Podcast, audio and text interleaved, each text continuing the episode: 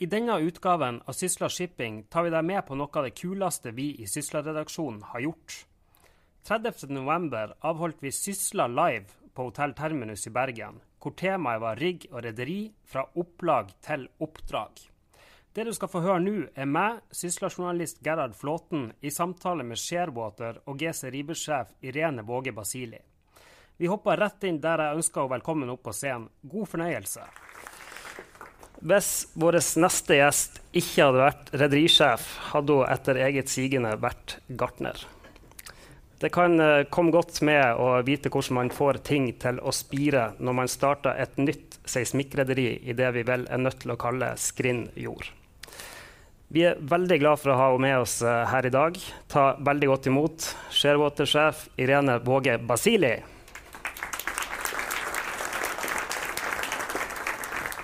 Velkommen, Irene. Takk skal du ha. Sett deg ned. Takk. Vi må forfølge gartnersporet litt først. du har uh, sagt til meg at du omtrent uh, aldri er så lykkelig som uh, hvis du forstår stå tolv timer på haug i potetlandet. Ja. Hva er det med dette som appellerer sånn til deg? Egentlig er det ganske sammensatt. Det er fysisk, hardt fysisk arbeid hvor du bruker eh, egentlig hele kroppen. Og hvor eh, jeg tenker uh, Nå bruker vår generasjon og våre barns generasjon veldig mye tid på helsestudio. Og så går man inn i et modus hvor man skal brenne energi for å bli kvitt energi som man har overflødig tatt inn seg. Og så er det noe ganske sånn appellerende for meg å tenke Hvis du går tilbake 100 år i tid i dette landet, så var det egentlig snakk om å konservere energi så man hadde tid til å jobbe eh, og forvalte og skaffe mat gjennom vinteren. Så jeg syns det er langt mer motiverende å stå og bruke fysiske krefter i noe som gir konkret, eh, et konkret resultat. Så det er fysisk, det er konkret. Eh, det gir veldig umiddelbare effekter når du har gravd opp en eh, potetåker for hånd. Og så gir det veldig langsiktige effekter når du kommer tilbake i fellesferien og drar opp dine egne nypoteter. Det er utrolig tilfredsstillende. Ja. Og nå skal du få uh, ting til å spire på en ny måte på jobb. det går uh, fort om dagen, som en illustrasjon på hvor fort. Da jeg uh, inviterte deg hit, så var du administrerende direktør i GC Riber Shipping. Mm. Nå er du altså da administrerende direktør i et selskap som ikke eksisterte da, mm. som heter Sharewater. Mm. Hva var det som skjedde? Det, det som skjedde, for å si sånn, det, det, viktige og det spennende her er jo at vi har startet uh, et uh, nytt uh, integrert seismikkselskap sammen med vår partner Rasmussen-gruppen i Kristiansand. Og hvor Gesseriba Shipping er 50 aksjonær, og Rasmussen-gruppen er 50% aksjonær. Dette er et kjempespennende selskap, fremoverlent eh, rigget for å kunne takle det vi forventer eh, til å være et fortsatt veldig krevende marked. Og som også er i en posisjon hvor om det skulle komme konsolideringsmuligheter, så har vi en god posisjon til å ta det.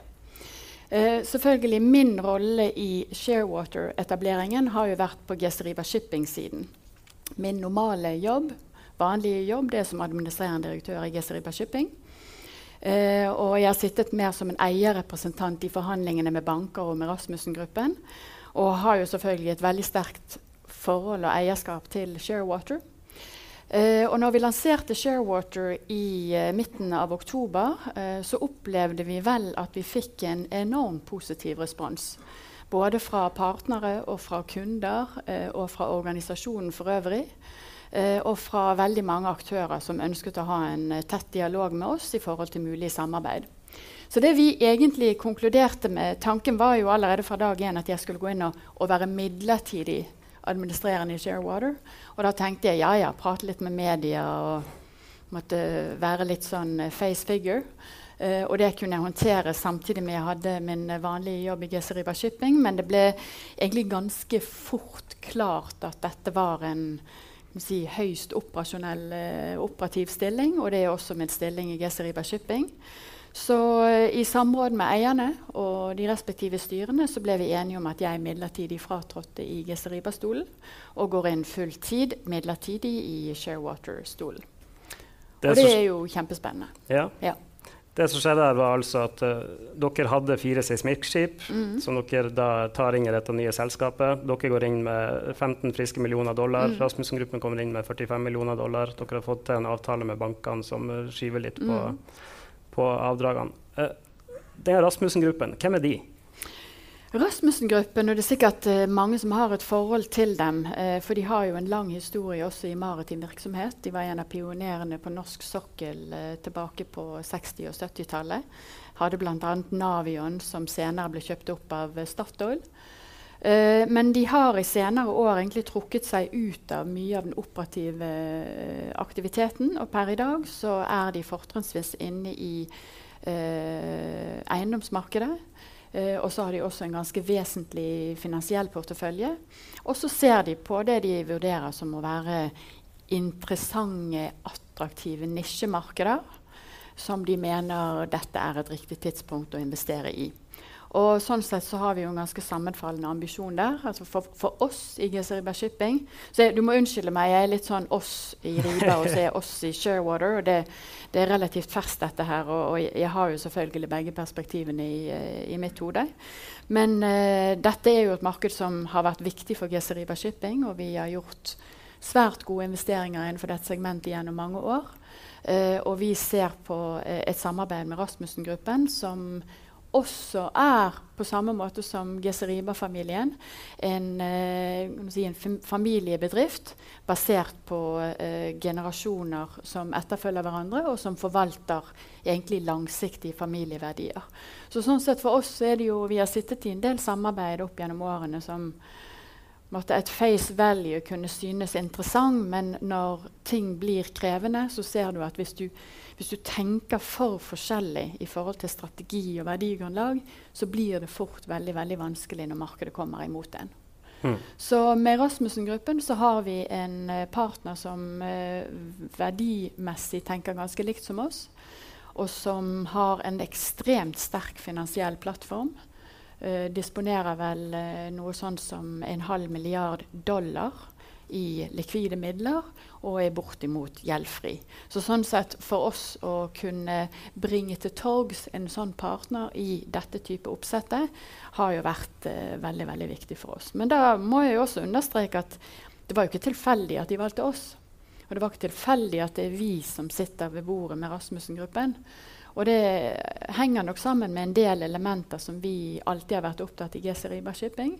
Og det er at uh, til syvende og sist vi er redere. Så en båt er ikke en båt.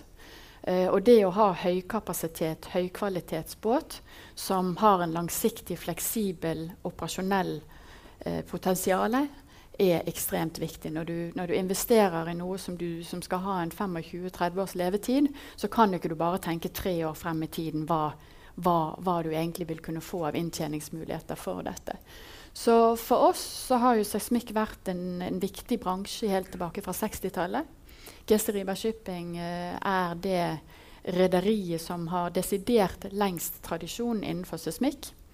Uh, og vi har også hatt en veldig konservativ finansiell profil, som også når vi da skulle gå inn i diskusjonene med Rasmussen-gruppen, var viktig for at vi skulle finne en pris som vi var komfortabel med, og som Rasmussen-gruppen uh, var komfortabel med. For i realiteten det vi gjør som Geseriba Shipping, er at vi selger halvparten av seismikkflåten vår inn i et nytt oppsett. Vi har ikke for vane å selge høns i regnvær. Eh, og vi har jo tradisjonelt hatt en finansiell ryggrad som tillater oss å sitte gjennom tøffe tider. Eh, men her har vi vurdert det som en type transaksjon hvor eh, og litt sånn klisjéaktig 1 pluss 1 blir 3. Eh, hvis dette bare var en ståltransaksjon, så hadde vi ikke solgt på disse nivåene, og Rasmussen-gruppen hadde ikke kjøpt på disse nivåene. Så det er det faktum at vi i denne avtalen kan lansere et fullt oppegående og kompetent seismikkteam og et selskap med alle de nødvendige si, prekvalifiseringene og systemverdien og managementsystem som gjør at de fra dag én kan gå ut og vinne, vinne, kontrakter. Og det demonstrerte vi ganske tydelig da vi tre dager etter lanseringen i midten av oktober ble eh, annonsert at vi vant en relativt omfattende kontrakt i India med en, som, med en motpart som heter ONGC. Og det gir oss da en backlog for to av våre skip eh, fra og med desember og ut henholdsvis mai og juni. Og det er jo en kjempefordel å gå inn i et nytt statsselskap og ha backlog, og ikke ha den måte, stressfaktoren hengende over deg i forhold til at du er nødt til å gå ut og prøve å vinne jobb for å kunne generere cashflow. Uh, men, uh, men, vi er jo realistiske, både Geseriba Shipping og Rasmussen-gruppen.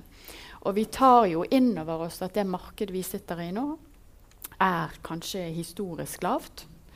Uh, det vi har gått gjennom det siste året, har vært ekstremt krevende. Så det er ikke sånn at vi tenker at i 2017 så skal vi begynne å generere særdeles positiv cashflow. Vi har rigget selskapet med en tilstrekkelig kapitalbase som skulle tilsi at vi uh, skal kunne leve uh, og overleve i opptil tre år på dagens nivå. Uh, og så tror jo vi at seismikk vil komme tilbake Eh, og at du vil få et høyere aktivitetsnivå lenge før man kommer eh, til den, eh, det treårsmerket. Si litt mer om det. Nå sitter jo mange her som lurer på akkurat det. Når kommer mm. dette markedet tilbake? Seismikk er jo de som er først i sykelen, det første mm. som blir ramma når det mm. går gærent, og de første som kommer tilbake. Hvordan ser det ut nå? Nei, Markedet er kjempekrevende. Så det at vi i konkurranse med de etablerte store aktørene faktisk vant ONGC, er jo et massivt styrkesignal. Uh, der er relativt begrenset tendervirksomhet. Uh, vi senser vel at det er litt, litt mer aktivitet. At uh, oljeselskapene begynner å tenke ja, men nå uh, nå er prisene noenlunde rimelig. Eh, vi ser at oljeprisen kanskje kan tendere litt oppover. Men vi tror jo ikke at du vil få en veldig Du du vil ikke få vind i ryggen i dette markedet før du får en oljepris som i hvert fall etablerer seg på, på 60-60 pluss. Og på en måte man kan demonstrere at det er der den blir liggende for en stund pga. driver slik og slik og slik. Uh, og da er det jo ekstremt viktig. altså Det som har vært måtte, det viktigste kriteriet for oss og for Rasmussen-gruppen i alle de forhandlingene vi har hatt. Og vi har sittet i beinharde forhandlinger i seks til syv måneder med banker, både på långiversiden og eh, bankene etter Dolphin-konkursen for å kjøpe en del av deres assets, og med Rasmussen-gruppen selv. Eh, og alt hva vi har hatt fokus på når vi har vært i alle disse forhandlingene, er at vi skal være den mest konkurransedyktige seismikkaktøren de neste tre årene. Så skal man alltid være forsiktig med å si at uh, we are the lowest on the cost curve, for da kan du alltid bli konfrontert med ja, men hva med sånn og hva med sånn, og, og gå inn i de detaljene. Men vi føler oss veldig veldig komfortable med at når du sammenligner det med type PGS og CGG og uh, Western Gekko Uh, og Polarcus. Polarcus er kanskje den som er mest konkurransedyktig sånn på pris. Mest fordi at de eh, har greid å forhandle seg frem til holidays med sine banker i forhold til å betale avdrag, men det er jo bare en midlertidig løsning. Eh, men når du sammenligner vi, hvordan vi vurderer cash-kosten til disse selskapene, så er vi i en liga for oss selv. Og det hva, hva tenker det, vi Vel, det er jo en av eh, Når du først skal gå gjennom en konkurs, som er et helvete eh, å gå gjennom, både på det menneskelige plan og i forhold til eh, uh, aksjonærverdier og hva som er konsekvensene av det, det er en ekstremt krevende prosess, og jeg unner ingen i forsamlingen å måtte gå gjennom det. Men jeg vil anta at en del av dere har vært gjennom det og kanskje vil komme til å komme gjennom det i årene som kommer. Nå snakker vi om eh, Dolphin-konkursen. Dolphin-konkursen, um, Og Dolphin var på det tidspunktet vår største seismikkunde. Vi hadde alle våre fire seismikkskip på uh, lengre settpartiavtaler med Dolphin. Og da det markante oljeprisdroppet kom i begynte jo for så vidt allerede i 2014, men ble veldig veldig tydelig sommeren 2015 og utover høsten 2015. Og da var jo vi som største leverandør inn til Dolphin veldig konstruktive i forhold til å ha dialoger med vår største kunde. Hva kan vi gjøre? Hvordan kan vi reforhandle våre avtaler på en midlertidig basis, slik at dere som vår kunde og som vår partner greier dere gjennom kneiken? Uh, og det som uh, viste seg i den prosessen, var at deres problemer var for store. Og markedsutsiktene var for svake til at selv våre ganske formidable bidrag i en midlertidig periode ikke var tilstrekkelig. Så sånn på det menneskelige planet for ledergruppen i GC River Shipping høsten 2015 frem til konkursen i desember 2015 var en utrolig krevende prosess. Hvor du, måte, sånn, du føler at du bare sitter og tviholder på å liksom, se hva, hva, hva, kan du gjøre for å liksom, holde dette intakt.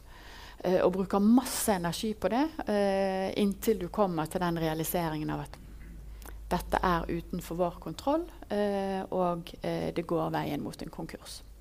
Så for oss så ble det jo da å gå inn i en ny fase. Ok, Dolphin er vekk. Eh, vi har fire av de beste seismikkskipene som er i det globale markedet. Eh, vi var fullt eh, bestemt på at våre fire skip skal ut igjen i markedet, og de skal operere. Og da var det å vurdere ulike alternativer, ulike samarbeidspartnere eh, og ulike konstellasjoner fra og med januar 2016. Eh, og eh, jeg vil si Noen av de alternativene vi har forfulgt, og, og, det er jo litt sånn når du er i en sånn situasjon, så måte, løper du etter alt som rører seg. Uh, men uh, det vi har falt ned på nå i det samarbeidet med Rasmussen-gruppen i Sharewater, er for oss en utrolig spennende og fremoverlent løsning.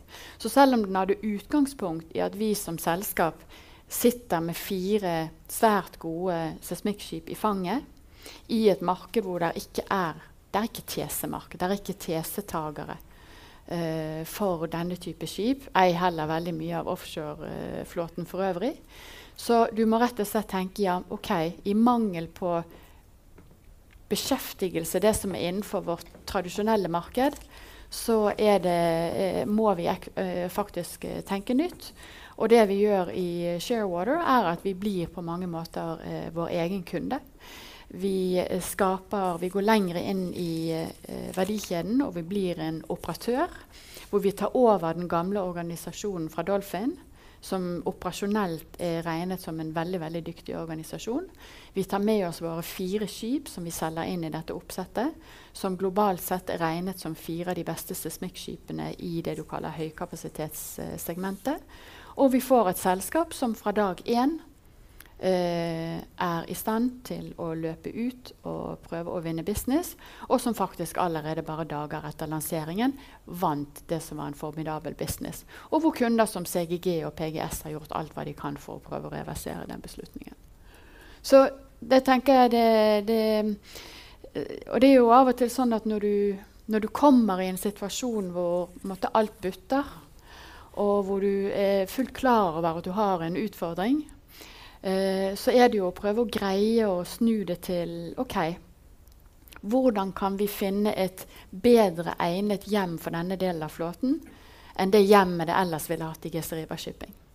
Så vi føler jo at gjennom Sharewater, med en ny partner, et privat selskap, som kan være rigget for en fremtidig børsnotering, og som sånn sett fordi det er veldig rendyrket rundt seismikk, Uh, og seismikk er jo også det første, det første, segmentet som treffes av de dårlige tidene, og det første segmentet som også vil begynne å oppleve når, når du får en, en oppdrift i, uh, i, markedet.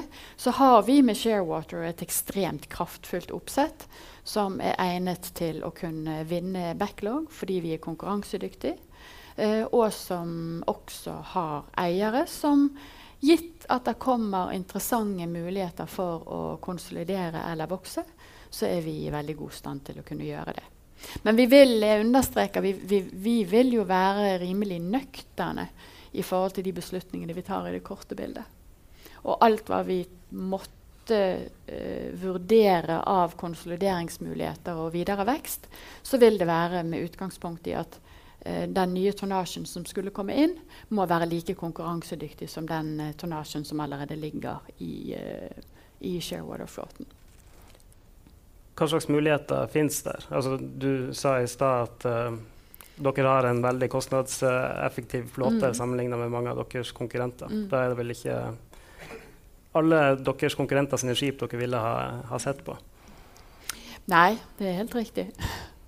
Og, eh, men det, det, som ikke er usannsynlig ut fra at markedet er så krevende som det og at mange av våre konkurrenter også har en ganske høy uh, gjeldsgrad, så eh, er det jo ikke usannsynlig at det vil komme muligheter som gjør at utgangspunktet blir relativt likt det man hadde i Dolphin. Og at de avtalene man kan få på plass, Uh, at partene som sitter inne i disse selskapene, også vil være interessert i å bidra i en mellomfase for at uh, man kan uh, se på felles muligheter og, og, og, vokse og ta en større markedsandel. Mm. Men, men, igjen, per i dag så er fokuset vårt på å få beskjeftigelse og få våre fire båter, som vi allerede har i flåten, ut i markedet. Og vi mener jo all den tid vi er konkurranseledende, og det er pris det går på i dag, så burde våre forutsetninger for å bygge backlog være relativt sett bedre enn en del av våre ganske tunge, tunge konkurrenter. Og jeg tenker bare en sånn, en sånn uh, mer sånn filosofi. Sånn som markedet forandrer seg nå, altså hvor hyppig, og spesielt innenfor hva som har skjedd i offshore. Og det var vel det du sa, Marit, innledningsvis. at det, måtte, vi, vi, vi, kommer jo fra en bransje hvor vi har bare hatt full guff på gasspedalen uh, i lang, lang tid. Kanskje 10-15 år på ryggen av en stadig økende oljepris. Uh, uh, som igjen var på ryggen av et stadig økende energibehov i Kina spesielt. Og så plutselig endrer dette seg omtrent over natten. Så kan Man si man kunne sett det før. Men for bransjen så opplevdes det som en endring som skjedde over natten. Så du går fra å måtte bare ha foten helt inne på gasspedalen til plutselig bare å smelle på bremsen, dra i håndbrekket. Og så spinner du rundt, og så prøver du å få kontroll. Og noen ender i grøften, og noen blir solgt som brakfant, og noen greier å komme seg tilbake og i riktig kjørebane dog med litt scratcher fra hva de har truffet ned i grøften. Og, og, det er jo egentlig der egentlig hele vår næring befinner seg akkurat nå. Eh, og som du også sa, altså dette med, med, restrukturering og dialog med långivere eh, det, ikke, det sterkeste selskapet unngår ikke den dialogen i dagens marked. Sånn er det bare. Og det er jo litt forskjell Jeg kommer jo opprinnelig fra konvensjonell shipping og er jo vant med at uh, man lever i bulk og tank og, og, andre steder i lang, lang tid i, med veldig veldig tøffe markeder. Eh, så utfordringen, og, og, det, og, man har tilpasset seg det.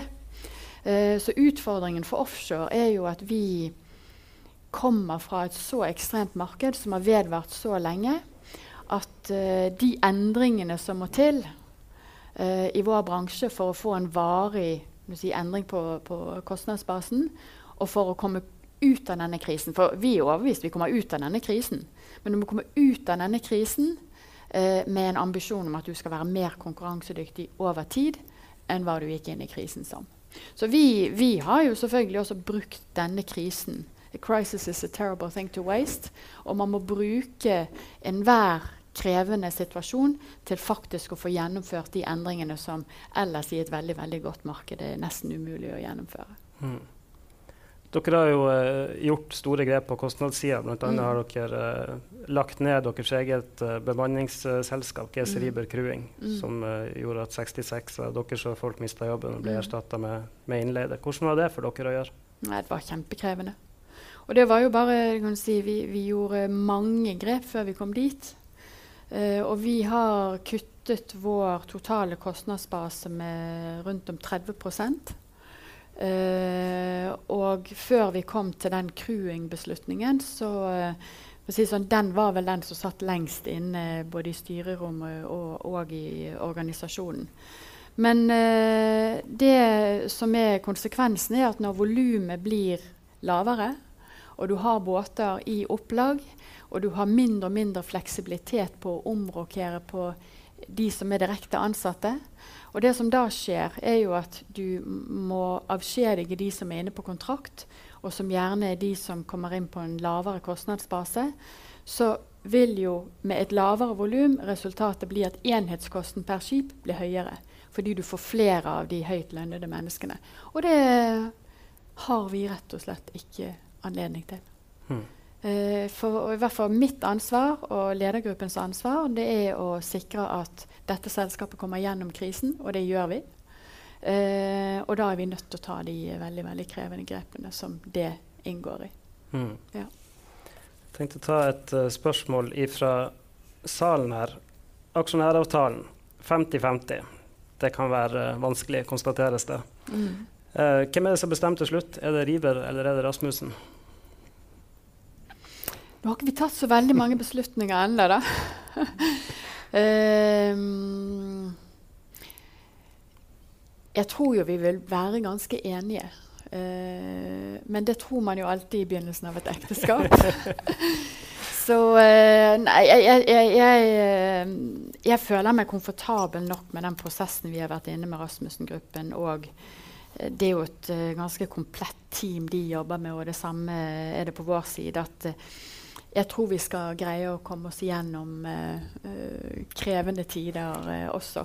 Men selvfølgelig, altså, hvis det går på vekstambisjon, hvis det går på investeringer, så, så, vil det jo alltid være et sånt styrkeforhold. Hvem, hvem, ønsker å øke eksponeringen sin i seismikk? Hvem ønsker ikke å øke eksponeringen i seismikk?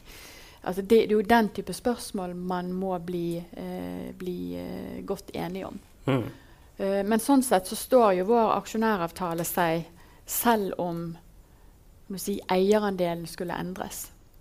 Uh, og det er jo et veldig viktig signal uh, inn til selskapet om at aksjonærene har til hensikt å jobbe sammen og jobbe konstruktivt sammen. Og for Rasmussen-gruppen så var det for dem aldri noe alternativ. For, for, en del av de andre løsningene vi så på, var jo at vi som GC Shipping skulle leie inn skip til en ny eier. Men uh, det var uaktuelt for Rasmussen-gruppen. De ønsket å kjøpe seg inn i stålet, og de ønsket å gjøre det sammen med GC Riva Shipping. Og de vurderer oss som den strategiske og erfarne partneren innenfor segmentet.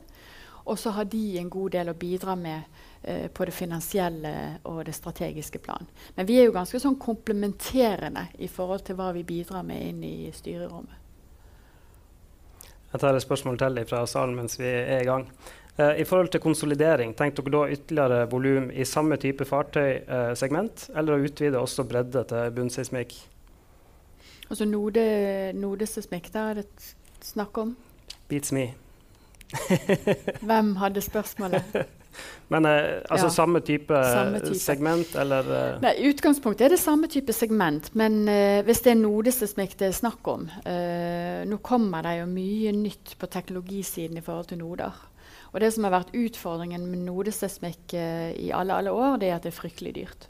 Så det er veldig vanskelig å få ned kostnaden til sammenlignet med det vi driver med, som er tauet streamerseismikk. Uh, nå er det aktører på banen som mener de kan få ned kostnaden tilstrekkelig til at det kan være konkurransedyktig med uh, tauet seismikk. Uh, og da vil nok vi tenke at for du kan si streamere koster ganske mye penger, det òg. Så hvis du skal investere i et helt nytt streamerspredd, så snakker man i et normalmarked, hvilket vi ikke har i dag, da. Men i et normalmarked vil et sånt spredd koste 50 millioner dollar. Så det er en formidabel investering om du investerer i det. Og da tenker jeg at uh, vår, der bør vi vurdere går vi inn, Kjøper vi ytterligere et streamerspredd, eller vurderer vi å kjøpe et nodespredd? Og så tenker vi at det kan være komplementerende. Fordi det er det ikke noe tvil om, det er at nodedata er langt, langt superior til tauet seismikk. Og det er fordi det ligger på havbunnen og sånn sett har mye færre si, forstyrrende elementer som kan gi eh, kan si, det endelige datamaterialet eh, en del forstyrrelser. Så, så når, node, når, Node, blir noenlunde konkurransedyktig med streamerteknologi, så tror jeg det kommer mer av det. Jeg tror ikke det vil erstatte tauet seismikk, men jeg tror det vil komplementere det. Og det vil nok vi i Sharewater, når vi har fått stokket bena og kommet opp, eh, vurdere. Hmm. Ja. Og med Node så har du mye større fleksibilitet i forhold til hva slags type fartøy. Du kan gå på mye mye rimeligere fartøy. Nettopp. Ja. Du, la meg spørre, um, Da dere fikk denne Dolphin-konkursen i fanget, mm. vurderte dere i det hele tatt å gå ut av seismikk? Nei. Nei. Ikke et alternativ? Nei. Seismikk er jo kanskje det meste er jo shipping på steorider. Så på en måte det, det er jo ekstremt syklisk. Så med mindre du må ut, så vil du jo aldri gå ut på et uh, historisk dårlig nivå. Da må du heller bruke det som er dine komparative fortrinn for å finne nye løsninger. Og For Geseriba shipping så har vårt komparative fortrinn vært at vi har en ypperlig flåte. Vi har en konservativ eh, finansieringsprofil som gjør at vi også var en interessant partner for Rasmussen-gruppen, og som gjorde at vi kunne komme til enighet med, med hva som var den riktige prisen. Også i Gesteriba Shipping la vi også mye ressurser og, og effort inn, inn, i å opprettholde den gamle Dolphin-strukturen, slik at den kunne egentlig bare bli renamed, og så ble det en Sharewater-struktur. Så, så, vår ambisjon, selv om vi var rimelig langt nede i desember Det var ikke den beste jul jeg har hatt. Men eh, ambisjonen vår var fra dag én at nå må vi bare holde intakt det vi kan holde intakt, slik at vi har det best egnede verktøyet for å finne en ny løsning. Som da vi fikk ti måneder senere. Mm. Ja. Hvor stort kan uh, Sharewater bli? Nei, det er vanskelig å si. Men det er jo ikke noe uh, si sånn, Det er ikke problemer med å få tak i folk i dag. Det eh, er masse dyktige eh, folk fra seismikkindustrien som eh, er blitt gjort overflødig. Det er heller ikke noe mangel på skip. men det er jo selvfølgelig mangel på høykvalitetsskip. Og hvis vi skal vurdere vekst, eventuell vekst, så vil jo vi selvfølgelig gå for det vi vurderer som skip som er tilsvarende vår flåte. Mm. Ja. Så det er ikke noe, er ikke noe absolutt, uh, absolutt uh, tall for hvor stor vi skal bli, eller om vi skal fortsatt ha fire båter. Men si, for enhver uh, Hvis du skal være en global aktør og ikke måtte bruke 50% av tiden din for å stime fra jobb til jobb, så er jo ikke fire båter en, eh, en, tilstrekkelig størrelse. Du har ikke den nødvendige skalaen. Men i dagens marked, hvor du kanskje bare må konsentrere deg om noen geografiske områder og bli der, så uh, er vi veldig komfortable med å ha våre fire båter. Mm. Ja. Dere driver jo ikke bare innenfor uh, seismikk. Dere mm. har tre isbryterfartøy på uh, lange kontrakter i mm. Russland, vel. Ja. I tillegg har dere en subsea-flåte bestående av tre skip. Mm. Hva er hva er strategien deres på subsea-sida? nå, eh, strategien er jo å begynne å legge en strategi. Eh, for nå har vi hatt veldig, veldig mye fokus på eh, seismikk. Eh, og få en god løsning eh, for den. Issegmentet går egentlig eh, som det skal gå. ingen store utfordringer. Og det ironiske der er jo at når man vurderer risiko i et styrerom, så har man ofte veldig liksom, tenker liksom the obvious risk. Russland, farlig. Uh. Så vi har brukt masse masse tid på Russland og Russland-risikoen. Uh, og, og, den kontrakten går som en klokke, og cashflow kommer inn som den skal. og måtte, Den har vist seg å være rimelig oljeprisuavhengig. Mm. Uh, og så har det vært mange av de andre arenaene hvor vi kanskje ikke har vurdert risikoen som så stor. Uh, at det er der utfordringene faktisk kommer. Og også i et sånn risk Jeg vet ikke hva dere andre har erfart, men men uh, i et sånn risikobilde, og du sitter og gjør noen scenarioplanlegginger, og så tenker du pluss-minus 10% ja, du har tatt sånn godt i. Det som skjer i vårt marked, er ikke pluss-minus 10% Det er total bortfall av topplinje. Det er fra 100 til 20% topplinje. Så måte, det, det ingen, ingen, av scenarioene man har sett på i dette markedet her, har egentlig fanget rundt det som ble den faktiske realiteten når uh, motgangen traff. Men tilbake til spørsmålet ditt. Du sier hva er strategien for subsea-flåten? Um, som seismikkaktør så er du med fire skip en aktør man regner med. Ironisk nok. Mm. Uh, men den globale flåten er relativt liten. Og den globale høyendeflåten, som er hva vi har, er også enda mindre. Innenfor subsea eh, så er markedet mye mye større og mye mer fragmentert. Så med tre skip så er du en marginal aktør. Og så er trøsten at det finnes veldig mange andre marginale aktører opp og ned kysten og andre steder i landet. Så eh, vi vil jo anta at det kan være andre spennende aktører som man kan vurdere mulige samarbeid med. Eh, og hvor man i fellesskap vil få en bedre driftsmodell, og man vil få et større markedsmessig fotavtrykk, som gjør at man kommer styrket ut. Uh, og da igjen så koker det jo ned til, og fra et reders perspektiv, en båt ikke en båt. Du må ha gode, kommersielle, fleksible, konkurransedyktige skip. Og det er alle våre tre skip. Og sånn sett veldig salgbare i et noenlunde normalmarked, som er ikke hva vi har i dag. Mm. Ja. Men ser så, dere etter samarbeidspartnere? type det dere har gjort? vi vil se igjen som vi har gjort på Seismikk. Vi vil se på Vi vil vurdere alle mulige alternativ, som kan være langtids uh, settpartiavtaler inn til aktører. De det få av, riktignok. Tilpasning til andre markeder som vind- og kabellegging. Uh, det har vi for så vidt allerede sett på på kortere kontrakter som vi har nå. Uh, og eventuelle samarbeidspartnere, uh, industrielle eller finansielle. Men du må på en måte, når du har en så vidt liten størrelse, så må du enten må du gå ut, eller så må du bli litt større og litt mer robust og finne et, finne et bedre egnet hjem. Så jeg tenker jo at jeg, Og det som gjør at jeg er mest egentlig som, som er veldig, veldig positiv med Sharewater, er at vi har tatt fire av våre skip og flyttet de inn i et hjem som er langt bedre egnet for å utnytte deres potensial. Så hvis det er den type løsninger også på Subsea, mm. så er jo det kjempebra. Men uh, det er det for tidlig å si, for vi er, egentlig, uh, vi er fremdeles ikke formelt closet på Sharewater. Nei. Det skjer vel nå i månedsskiftet november-desember. Det må dessverre bli mm. siste ord. Nå er mm. klokka der. Tusen hjertelig takk for at du var med oss, Irene Våge Vasile. Gi henne en varm applaus. Dette var episode ni av Sysla Shipping. Hvis du ikke har fått med deg de åtte andre vi har laga det siste halve året, har du mye interessant å se fram til.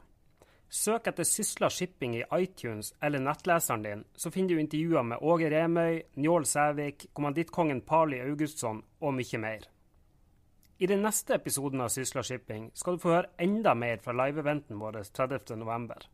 Da får du høre Doff-sjef Mons Aase fortelle bl.a. om hva han ser for seg at deres rolle skal være i konsolideringa av offshore serviceflåten.